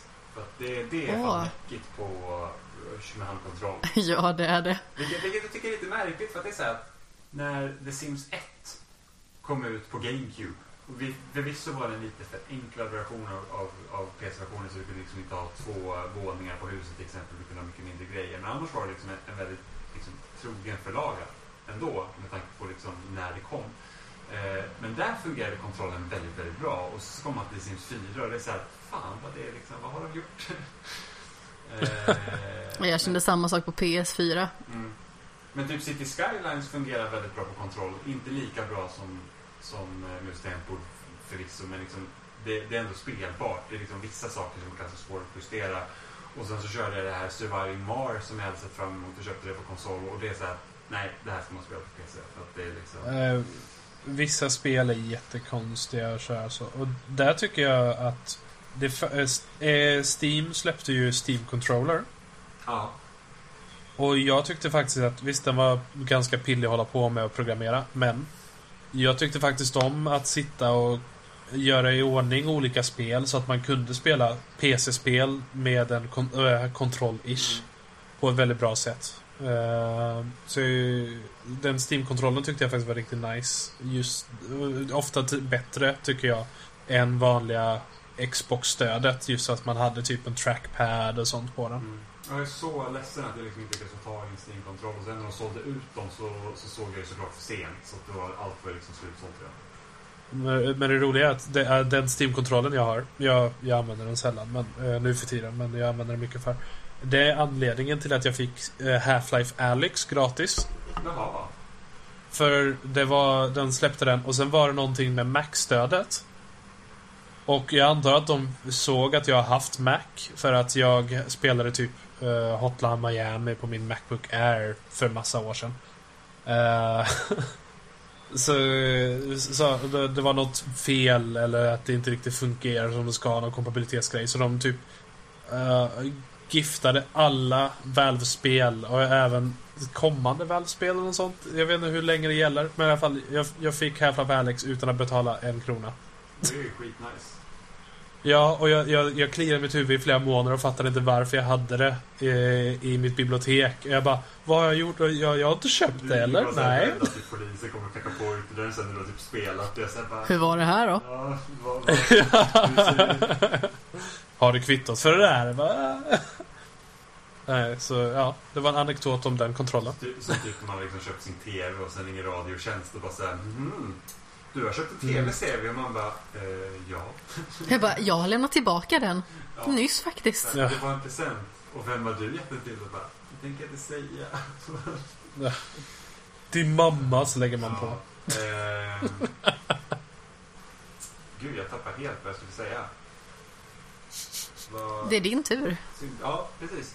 Eh, jag har ju under våren så här typ, eller våren, ti- sen vår, tidig sommar försökt beta mig igenom Kingdom Hearts-spelen. Eh, Ja, jag tycker synd om dig. men alltså de, jag tycker inte att de, alltså, jag tycker att det är mysigt att spela dem. Så Det är någonting som gör att man inte kan låta bli att tycka om dem. Ja, Men jag, jag har sett sådana här summeringar av storyn och jag, jag, jag håller på... Det, det, är lite- det, det, det blir alltid näsblod jag ser suddigt efteråt. så långt som jag har kommit nu så har jag liksom inte några jättestora problem att följa med storyn. Och jag har tagit mig... Jag, senaste spelet jag klarade är Kingdom Hearts 2. Och det Mm. gör att jag har klarat tre spel i serien. Så Kingdom Hearts 1, eh, Chain of Memories och eh, Kingdom Hearts 2 då. Så nu har jag en Mm. tre timmar lång film att ta mig igenom som summerar ett spel. Härliga tider. Sen är det... Ska vi se. Så är det ett spel till och sen är det en tre timmar lång film igen. Och sen är det ett spel till, en prolog och sen kan jag spela Kingdom Hearts 3, tror jag. Mm. Så det, det är vad jag har att vänta mig. Eh, men att, att sitta igenom... Alltså, jag har hört av Oliver om den här tre timmar långa filmen. Jag ska säga att det är liksom så här typ att man ser två karaktärer typ stå och prata. Det, det är typ ungefär som att man ska gå igenom så här mellansekvenserna i ett Fire Emblem-spel och sen ska man titta på det i typ tre timmar. Åh nej. Och så är det typ två, två karaktärer som står och pratar med varandra. Det låter faktiskt lite sorgligt. Jag vet, men vi får, vi får se. Eh, alltså, jag, jag, jag hoppas det är bra. Det är bara det att Oliver är så här, typ, jag vill bara spela Disney-grejerna. Jag tycker Disney-grejerna är sämst i, i spelen. För att det är så här, typ att jag har inget så här. Varför ska jag liksom se någon bootleg kopia av Disney-filmen som jag känner igen? Det känns liksom som en padding till att faktiskt komma åt vad Kingdom Hearts handlar om. Nu var tvåan betydligt bättre på det än vad ettan var, men eh, ändå. Det är så här bara, ah, Simba, hej, nu ska vi rädda Lejonklippan. Gud, vad kul. liksom, jag vet ju hur det här Kommer bli så lyckliga tillsammans. Ja, men lite så är det. Så att jag, jag, jag tycker ju hellre om när de liksom säger att åh, du vet om vad som händer i Disney-filmen. det här, liksom Kingdom Hearts-grejerna kommer efter det. Liksom, så att då liksom, kan man liksom spela på kännedomen av vad man vet om från Disney-filmerna och sen liksom bara de här karaktärerna inkorporeras liksom i Kingdom Hearts-universumet. Eh, för att det är lite så de gör med Final Fantasy-karaktärerna. Final Fantasy-karaktärerna är inte så att åh, här är Cloud så att nu ska vi liksom spela igenom typ Midgar-sektionen i Kingdom Hearts. Utan det är så här att nej, Final Fantasy 7 har typ hänt. Liksom. Eh, så att, att det Vilket är lite konstigt för att Aerith också med. Jo, men alltså då kan det vara typ så här att ja, var någonstans i Final Fantasy 7 utspelar sig Kingdom Hearts just nu. Liksom, det är lite, alltså, och sen kan man liksom tänka sig att det är massa olika dimensioner och bla Men liksom, det är inte som att man spelar delar av ett Final Fantasy-spel i Kingdom Hearts som man gör med Disney-filmerna. Nej, men precis. Det är ju som i Kingdom Hearts 3 så har du liksom en hel version av Let It Go liksom i Kingdom Hearts. Och då får du inte, vad jag har hört, spela någonting i den här Let It Go utan det är i princip en musikvideo med Let It Go. Precis som du fick se den i Frozen. Bara det att Sora dyker upp lite här och var. Man så här bara, okay, jag får en bild av hur han liksom tittar in från sidan. Så här bara. Ja men lite så. Men så här, och då blir det lite så här, så här but why? Var, varför måste vi se det här liksom?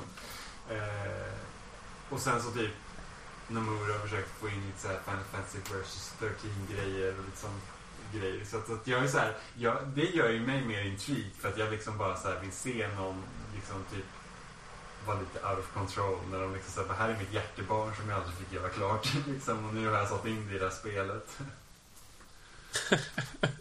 så att, eh, ja, det, det, det, det ska jag fortsätta arbeta på.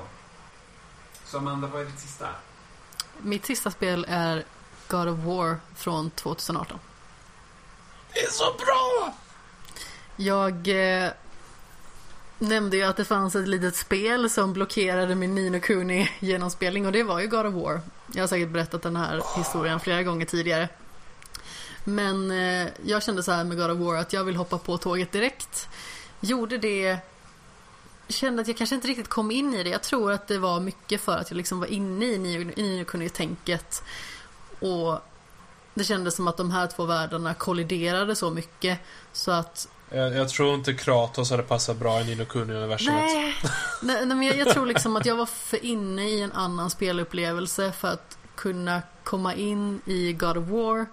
Och sen när jag skulle tillbaka från God of War, som jag inte liksom fullföljde utan bara spelade några, någon timme och sen bara så här, nej, jag känner inte för det här.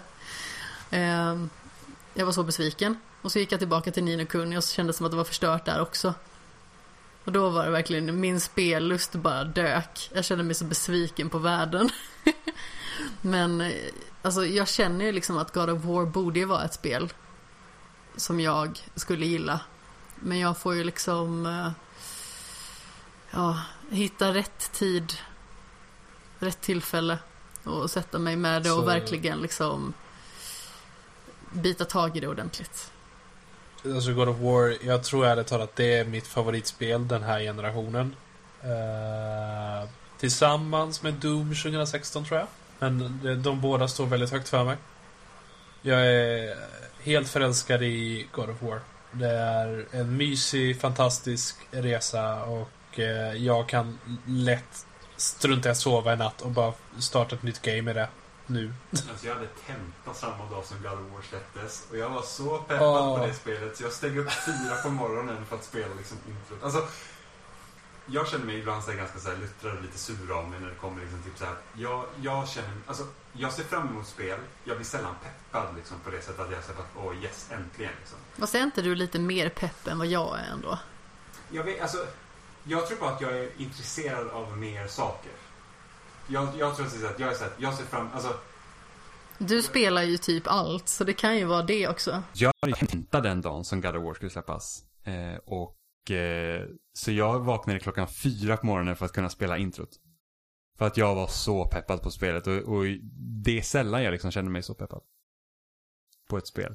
Eh, och det liksom känns som julafton. För jag, jag, ofta är det så att jag, jag ser fram emot spel men jag är liksom inte så att Åh gud jag, jag, måste spela det. Men just av någon anledning så var det så med God of War att jag var skitpeppad. Och då är jag så att jag har ju spelat 1, 2, 3 på PS3.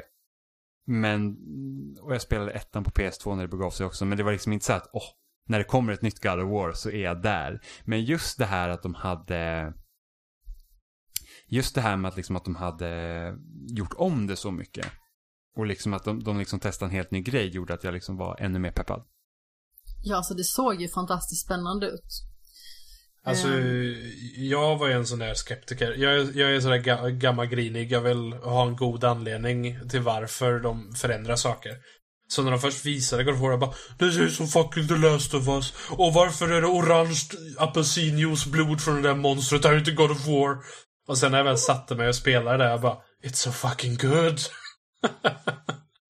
Så jag, jag var lite frusen till spelet när det skulle komma. Men när jag väl satt och spelade så var det liksom okej, det här är riktigt bra. Och, ja. Alltså typ första bossstriden mot The Stranger så var jag liksom såhär, jag var, alltså jag var verkligen såhär, jag bara okej, my god. Liksom det, här, det är Mm. så bra. Mm. Det, det är ett riktigt fint spel. Så jag hoppas du kommer ikapp och tycker om det. Ja, alltså jag hoppas verkligen det också. Det känns lite tragiskt att genom att jag inte kunde hålla i hatten själv så förstörde jag för mig själv med två spel på en och samma gång. Alltså det, det är så sorgligt. Hade jag liksom bara kunnat vänta en vecka eller två, då hade för, förmodligen båda spelupplevelserna blivit hur bra som helst. Mm. Alltså, Nino Kuni spelupplevelsen är fortfarande jättebra, men det känns ju fortfarande som att jag inte har kommit halvvägs än, även att jag är 60 timmar in. Mm.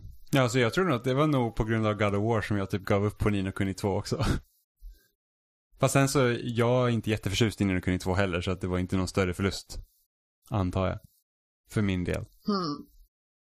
Alltså jag, jag gillar första Nino Kuni, men tvåan det var så att, alltså, när jag spelar ett JRPG så känner jag liksom så här att, åh, jag vill spela en mysig story. Och sen så kommer ett spel där det inte är så mycket sånt. Och då blir jag så här eh, för att, Men det är jättemysigt att bara lalla runt. Samla glitter och öppna skattkistor. fast nej, jag, jag tycker inte det. Mm. Det var typ som, för att jag älskar ju Xenoblade Chronicles. Alltså det är typ ett av mina favorit-JRPG. Eh, och sen så skulle ju, när nästa Xenoblade skulle komma så... Rosigt. Väste som en katt liksom. Ursäkta mig. Eh, men sen när uppföljaren skulle komma till Xenoblade Chronicles så då var inte det tvåan första kom utan det var Xenoblade Chronicle X till Wii U. Och det är så här att yes, det ska bli så himla nice att spela ett spel med eh, lite story och liksom sådana grejer. Och så kommer X och så är det så här att åh, vi har fokuserat mer på utforskning så att det är inte så mycket story liksom på en gång utan man måste göra en massa andra grejer emellanåt. Och det var så här att fuck, det här var inte riktigt vad jag ville ha så att jag, så jag slutade spela Xenoblade Chronicle X också. Och det är egentligen ett spel som jag borde spela. Men, ja. En dag. En, ja men någon gång kanske, kanske till och med om de typ släpper en eh, så här, definitive edition och det är också på Switch eftersom de flesta så här Wii U-spelen verkar ju komma över till eh, Switch. Jag skulle precis säga det. Det känns ju som att det är, eh, jag höll på att säga dömt att hända, men eh, att eh, både X och 2 skulle komma låter ju inte helt orimligt. Nej, tvåan finns ju på Switch, det är ett Switch-spel redan. Är det det? Ja, tvåan kom till Switch. Men inte X. Men det, det är mycket möjligt att... När jag- kom alltså, det till? Eh, tvåan kom 2000, kan det ha varit tidigt 2018 eller sent 2017? Ja, det är jag som är helt ute och cyklar. Så jag, lyssna inte på mig barn. Jag vet ingenting. Eh, men, för att jag missar ju typ, det, en av de grejerna som är liksom är, är liksom den stora grejen med Xenoblade Chronicles X är ju det att du får ju bygga din egen mech. Och det har inte ens jag sett i spelet. Jag Det innan låter det. jättetråkigt. När man bygger sin egen mech och sen så kan du flyga runt i världen. Ja, det låter jättetråkigt. Okej, jag tycker att liksom, alltså, Mex är ju det bästa som finns, så att bygga en egen mech låter awesome. Jag kan inte riktigt skriva under på det så hårt. Men stora robotar är ändå lite häftigt. Det är Det- typ som att jag kollade på Pacific Rim för att jag ville se de stora robotarna, inte de tråkiga monstren. Jag tänkte exakt säga Pacific Rim. Jag älskar Pacific Rim. Det, Ja, det, det är en så meningslös story, men det är stora robotar som pucklar på monster med... eh, de använder lastfartyg som samurajsvärd. Det är awesome. Ja. Dock tycker jag att Pacific Rim är en riktig skitfilm. Men eh, det var ändå kul att se typ de stora robotarna. Så att jag gillar ju liksom inte Godzilla till exempel. Ja, oj. Då, antar jag att du och Oliver diskuterat saker. Oliver är nog inte så här... Jag, jag tror inte Oliver är så glad på mig eh, om jag säger att jag tycker om Godzilla. Men det är så att nej, stora monster gör inte någonting riktigt för mig.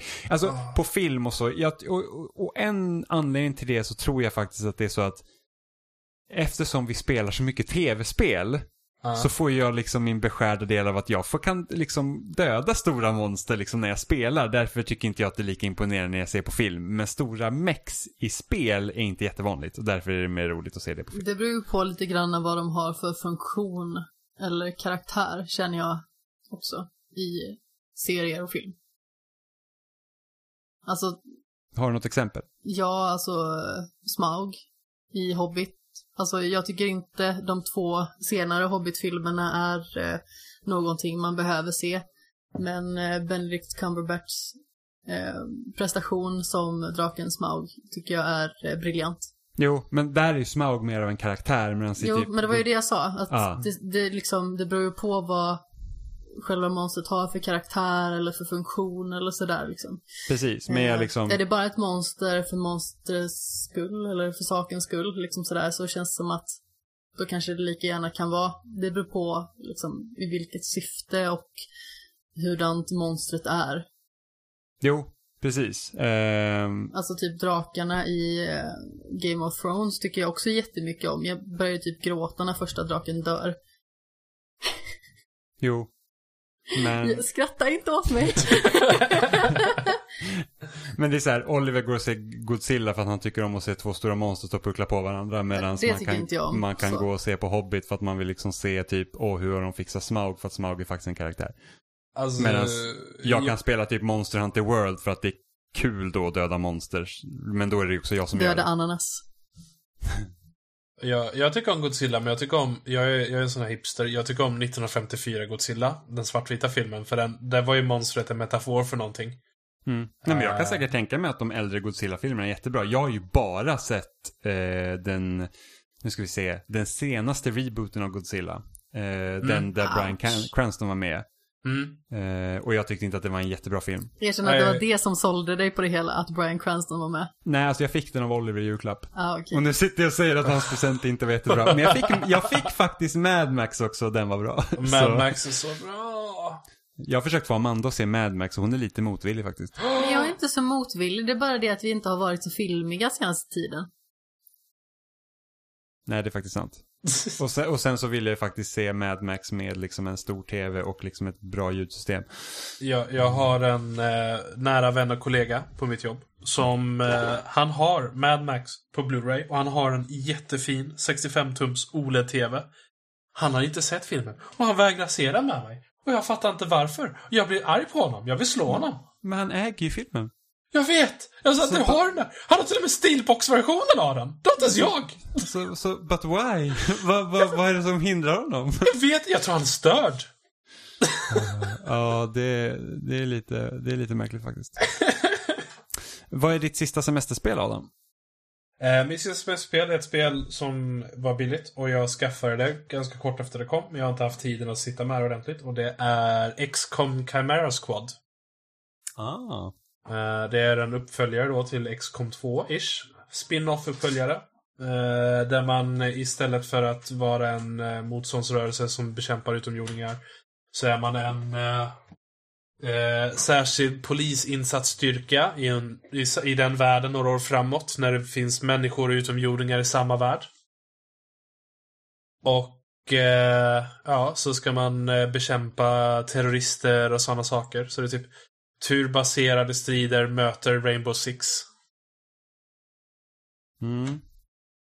Och det, det, det är faktiskt, jag, jag startar ett game och det är faktiskt ganska intressant. Jag tycker de har tagit det som är XCOM och anpassat ganska väl till det här att breach and enter och balansera olika förmågor och sånt. Mm. Ja, för det, det är liksom, för visst, det, det, ska, det är ett lite mindre XCOM va, jämfört med ettan och eh, tvåan va? Ja, det är ett, det är ett generellt sett eh, mindre spel känns det som i alla fall. De, det kostar bara typ 20 euro när jag köpte det. Mm. Eller 30 euro och sånt. Så det kostar ju mycket mindre också. Men jag tycker det ändå känns ganska stabilt. Eh, så. Eh, Så det är någonting när jag väl har tiden ska jag sätta mig med och plöja igenom. För jag älskar XCOM. XCOM 1 eh, med Enemy Within-expansioner är typ bland det bästa jag spelat. Mm, alltså första X-com var verkligen, verkligen, verkligen asbra alltså. XCOM Ja, det är så 2 är så att, dödligt eh, svårt. Ja, det, det, är, det, det är så jävla kul när man döper en karaktär efter ens kompis och sen bara komma Du, du dog igår. ja, det är faktiskt helt... Uppäten av en alien. Robin var ju så himla ful så att han var ju så här, för att jag var ju så här, jag döpte till mina kompisar och sen när de kompisarna är döda så är de döda. Men jag Ja. gjorde liksom allt för att de liksom skulle hålla i sig. Och Robin var så här, han liksom så här, ja, ah, Jimmy dog, så nu döper jag nästa gubbe till Jimmy 2. så att han var typ så här på Jimmy typ 25 och så jag bara, men det är ju fusk, du kan ju inte ha liksom 25 liksom versionen av mig. Jag har ju dött flera gånger. Han bara, vadå fusk? Det är liksom, det här är 25 liksom inkarnationen av dig. Man var så här, ah, okej. jag har försökt med näbbar och klor att hålla dig vid liv här, men visst, där kommer liksom Jimmy 35 in liksom. Ah, okej. Ja. He's expendable. Ja, men lite så faktiskt. Eh, Djupt upprörd. Men, men, men det är liksom, det ger ju faktiskt, inte bara för att, alltså XCOM, både ettan och tvåan tycker jag är riktigt bra spel, men det ger ju en lite extra udd där när man liksom kan döpa karaktärerna till folk man känner. Ja. Det liksom blir, det blir liksom lite mer personligt i, med karaktärer som egentligen inte har någon personlighet. Mm. Eh, och det var ju där jag tyckte liksom en grej med för när Gears Tactics kom ut nu i, i, eh, i våras så var det det också, du kunde ju också döpa karaktärer där. Men sen hade du ju också karaktärer som var viktiga för storyn. Eh, som liksom var då Gears karaktärer liksom med, med eh, liksom bakgrunder och personlighet och det var liksom kring dem som storyn handlade om. Och, då, då, och det gjorde att liksom de här kanonmaten kan man nästan säga blir överflödig. Det liksom blir inte samma grej. Så att jag spelar ju ofta med karaktärerna som liksom hör till storyn. I, I Chimera Squad så har de ju att eh, då är ju ens operators, de är specifika karaktärer. Jag vet, jag tror inte man kan döpa om deras namn. För de har, många av dem har dialoger och sånt och kan kommentera Ah. om uppdrag och sånt. Så den biten tror jag de har minskat. Men däremot så är det mer att man, man väljer ut de karaktärer man vill ha för att ha en bra teamkomposition. Mm. Och försöker komplettera dem med deras unika förmågor. För varje karaktär har en unik bakgrund och unika förmågor. Uh, som till exempel en är ju en... eh, vad heter de här utomjordingarna som... eh, läs, eh, med stora hjärnor och sånt som tar över folk. Eh, ja, i alla fall en sån. Eh, och han kan liksom använda mind powers för att uh, stunna fiender eller tillfälligt få dem att joina en och sådana saker. Eh, och så har de olika skill trees som de kan vidareutveckla och de kompletterar varandra på olika sätt. Så jag tycker faktiskt det är väldigt intressant taktiskt spel eh, de har där. Som Mm. har skapat. Så det är ett spel som, om jag väl får ha semester igen, ska jag sätta mig med. My- mycket strategi för dig.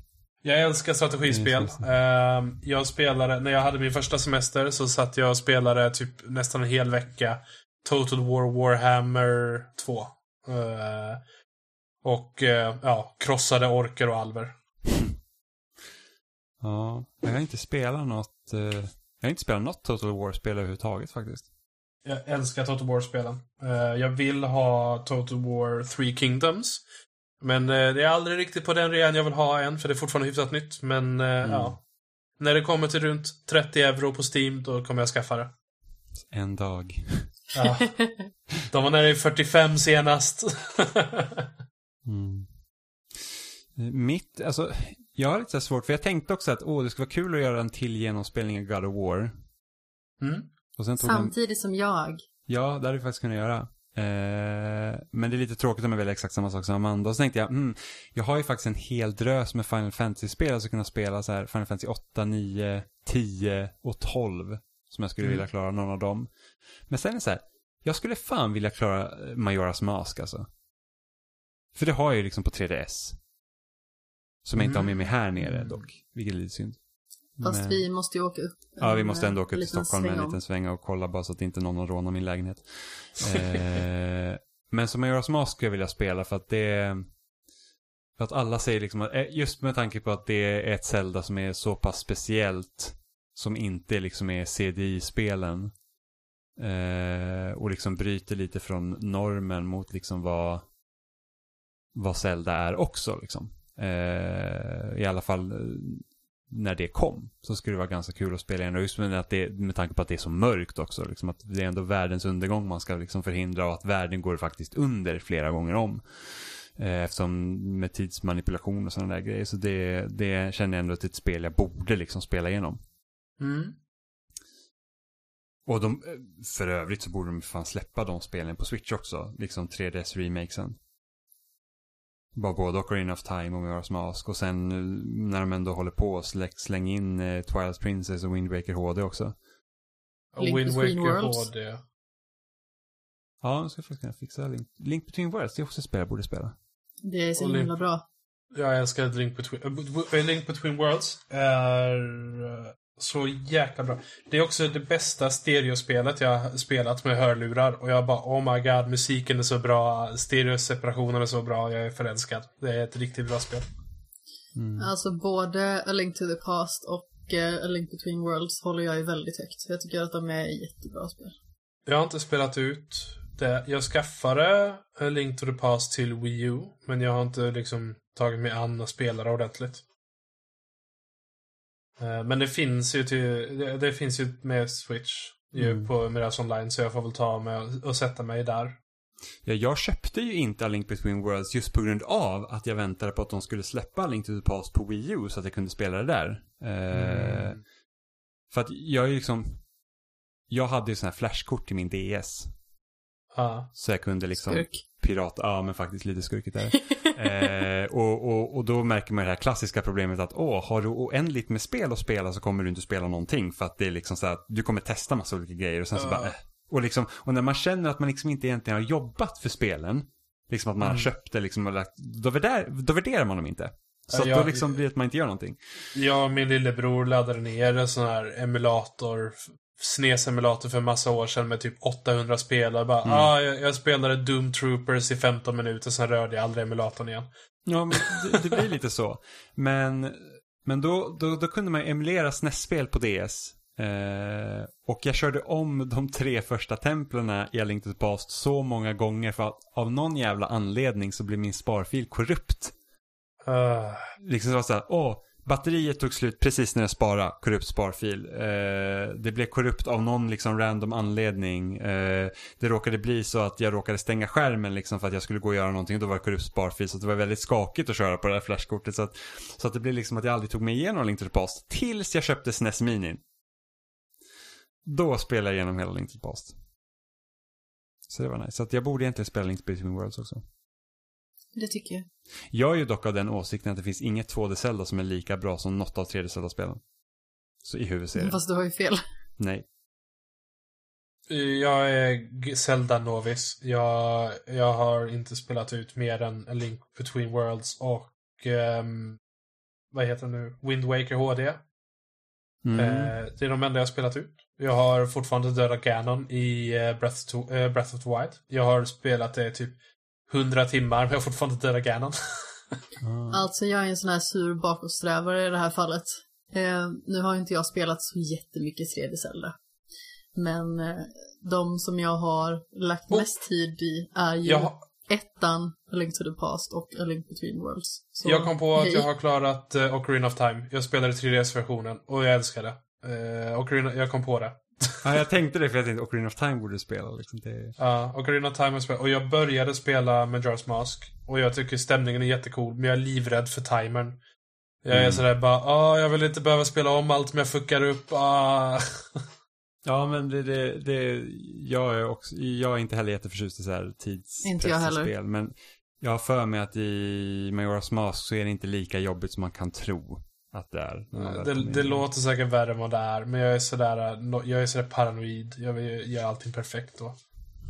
Men jag tror Så- en anledning till att jag värdesätter liksom 3D Zelda så mycket högre än 2D Zelda är det för att jag bara älskar att kunna liksom eh, liksom supa in med liksom en, en 3D-värld på det sättet. Som liksom är Zelda, liksom att jag får känna att jag, jag är liksom en... Av någon anledning så känner jag att det liksom blir lite den här... Eh, det blir liksom ett avstånd till 2D-spelen för att det är, inte, det är liksom inte riktigt på samma sätt tror jag. Eh, hur världen är uppbyggd och sen och såklart begränsningen av hårdvaran liksom man inte kan göra på samma sätt. Eh, faktiskt. Jag tror att det är det. När det kommer till äldre spel så föredrar jag ju 2D. Så det kan ju vara liksom att inom citationstecken problemet ligger hos mig också. Eller sådär. Um, och framförallt när det kommer till lite svårare spel också så föredrar jag också 2D.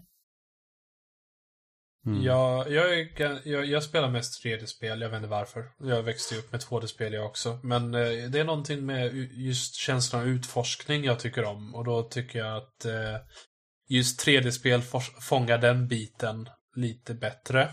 Uh, men ja, när det gäller ju Zelda, mina favoriter är 3D av de jag börjat spela. Mm. Uh, så, men jag har, jag har skaffat uh, Link's Awakening remastern. Den är jättebra. Ja, den, den, den har jag påbörjat. Det, det spel, jag, jag, kom till, eh, jag klarade något tempel eller två och sen slutade spelet typ ge hintar om vart jag skulle och jag bara, nej jag är för dum för det här. Jag vet inte vart jag ska. Ja, alltså... det, kan, det kan vara ett problem i det spelet. Jag tror det var något tempel där mot slutet jag faktiskt fick använda guide. För att det var liksom så att du måste hoppa ner genom det här specifika hålet. Och jag är ju redan så dålig på att hitta saker. Så att det är så att ni, om jag liksom ska hålla koll på massa arbiträra våningar och vilka hål som går var i någon så här jävla 2D-layout liksom på det sättet, då, då är jag helt lost. Uh, uh, men mitt, uh, jag tror att mitt favoritspel av alla Zelda, det är nog Wind Waker. Eh, för att jag tycker musiken är så jävla bra. mm. Ja, Wind Waker det är så är snyggt. Ja, det är så mysigt. Det, dock, jag... dock, är ju faktiskt HD-remaken, alltså ljuset, alltså det förstör lite av den tonen som finns i spelet på GameCube, liksom, när de, när de liksom lagt till ljuset och sådär.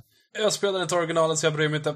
Nej, nej alltså, såhär, jag vet att många är såhär typ såhär purister, de är verkligen såhär att åh, oh, ah. gud, de har ju förstört allting. Jag tycker inte att det är så illa, men det är en viss skärm som går förlorad när de liksom har, för att typ att ibland när ljuset liksom träffar typ Links mössa fel, då ser man liksom hur undan det är medan liksom på GameCube så var det så att, ja men det såg ut som liksom en, en teckning och det, på det sättet förstörs det lite. Jag har ju inte spelat det, jag har ju bara sett det. Mm. Men, det, det är jätte... men de borde släppa de HD-grejerna till Switch också faktiskt. Absolut. Uh, alltså, Wind Waker HD var spelet jag köpte Wii U för. Jag, jag köpte den Wind Waker HD Edition. Mm, nice. Uh, och jag bara väntar på att de fucking portar det till fucking Switch så jag får spela det igen. För jag orkar inte ha mitt jävla Wii U inkopplat. Varför portar de inte bara alla spel? Jag vill ha alla God of War-spel portade till PS4 eller PS5. För jag orkar inte ha min PS3 inkopplad. Jag orkar inte ha min 360 inkopplad. Jag orkar inte ha min Wii U inkopplad. Porta allt! mm. Det tråkigaste Microsoft gör för övrigt ett ganska bra jobb med liksom att få över så mycket av bibliotek som möjligt liksom till Xbox One och sen till Series X. Men det är ja. typ så här att när det kommer till så musiklicenser och sånt så är det ju saker som hamnar kvar. Och ett av mina favoritspel på 360 är Rock Band Blitz. Oh, just det. det är så roligt att spela det liksom. Man har typ alla sin musik och sen så är det liksom ett enkelt liksom bara så här. Liksom man kan köra några låtar liksom ut, utan liksom problem. Och, och det kommer ju aldrig komma till någon annat format. Nej. För att de kan inte. Det är liksom helt omöjligt för att det, det är bara en djungel av liksom musiklicenser och att, att vad liksom det skulle betyda att liksom bara det att kunna sälja det igen på en ny plattform eller att alltså... bara kunna ladda ner det på en ny plattform. Säg att de bara skulle porta över för att ja, men ni som äger det kan köra det så är det liksom typ helt omöjligt. Alltså det är det som är så bisarrt med uh, musiklicens överhuvudtaget. Jag tycker det är en helt annan dimension av crazy. Ja, det är förmodligen därför Max Payne 3 inte går, är bakåtkompatibelt. Mm. På grund av musiken. Och det, det är så jäkla surt. Ja. Ja, jättetråkigt. Ja, men eh, nu har vi pratat typ en timme och 40 minuter. Så ja. att eh, jag tror att vi är klara för idag. Om inte det är någon annan som har något att säga. Nej. Nej, jag känner mig ganska tömd för idag. Ja. Vad bra. Tack för att du ville vara med Adam på så kort varsel. Ingen fara. Jag ställer upp om det behövs. Vad bra. Det, bra. det kommer du få ångra. Fem på morgonen. Adam, det är podd. Kom igen. ja, då, då får ni skylla er själva om jag sluddrar. mm, det är skitbra i alla fall att du kunde ställa upp. Eh, och ni hittar oss som vanligt på spelsnack.com. Där finns också länkar till alla ställen vi finns på. Självklart kan ni lyssna på oss via er favoritpodcast-app. Det är bara att söka på spelsnack så finns vi förmodligen där. Har ni hittat oss på något annat sätt och märker att vi inte finns i er podcast-app då kan ni bara skicka ett mail till kontakt.spelsnack.com Eh, och säga att vi ska fixa upp vår feed på det stället. Ni kan också mejla oss om ni har några frågor eller saker ni vill att vi ska diskutera så kan vi ta upp det i podden också. Var hittar man dig Adam?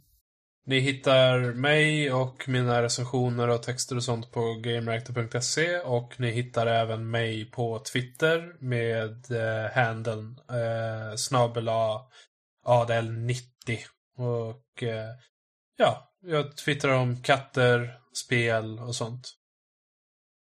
Jag vill bara göra lite skamlös reklam också. Precis som ja. jag flaggade för lite innan Jimmy. Eh, jag har ju en eh, egen podd, eller ett soloprojekt skulle man kunna säga, som heter Skämshögen, som jag har eh, haft igång nu i, som podd i ett och ett halvt år. Eh, det var lite så som, eh, som du och jag, Jimmy, började podda väldigt mycket mer. Men just nu så har jag återupptagit följetongen Decenniets spel där jag har gjort en topp 100-lista. Så man får jättegärna gå in och lyssna på den. Jag gjorde mitt första avsnitt om det i februari och sen så har det varit så få avsnitt sedan dess. Så att jag eh, har inte haft tid att sätta mig med det igen förrän nu. Men eh, tanken är liksom att eh, avsnitt nummer 3, 4 och 5 som är på väg ska komma snart då. Och då sitter jag och pratar själv, så det är ganska korta avsnitt. Men sen topp 50 så kommer ju vi två att sitta och eh, gå igenom alla de spelen ihop. Ja. Vi skyller på corona, det är därför vi inte har kommit något. Ja, kanske. vi kan göra det. Det är en pandemi, herregud vad kräver ni av oss?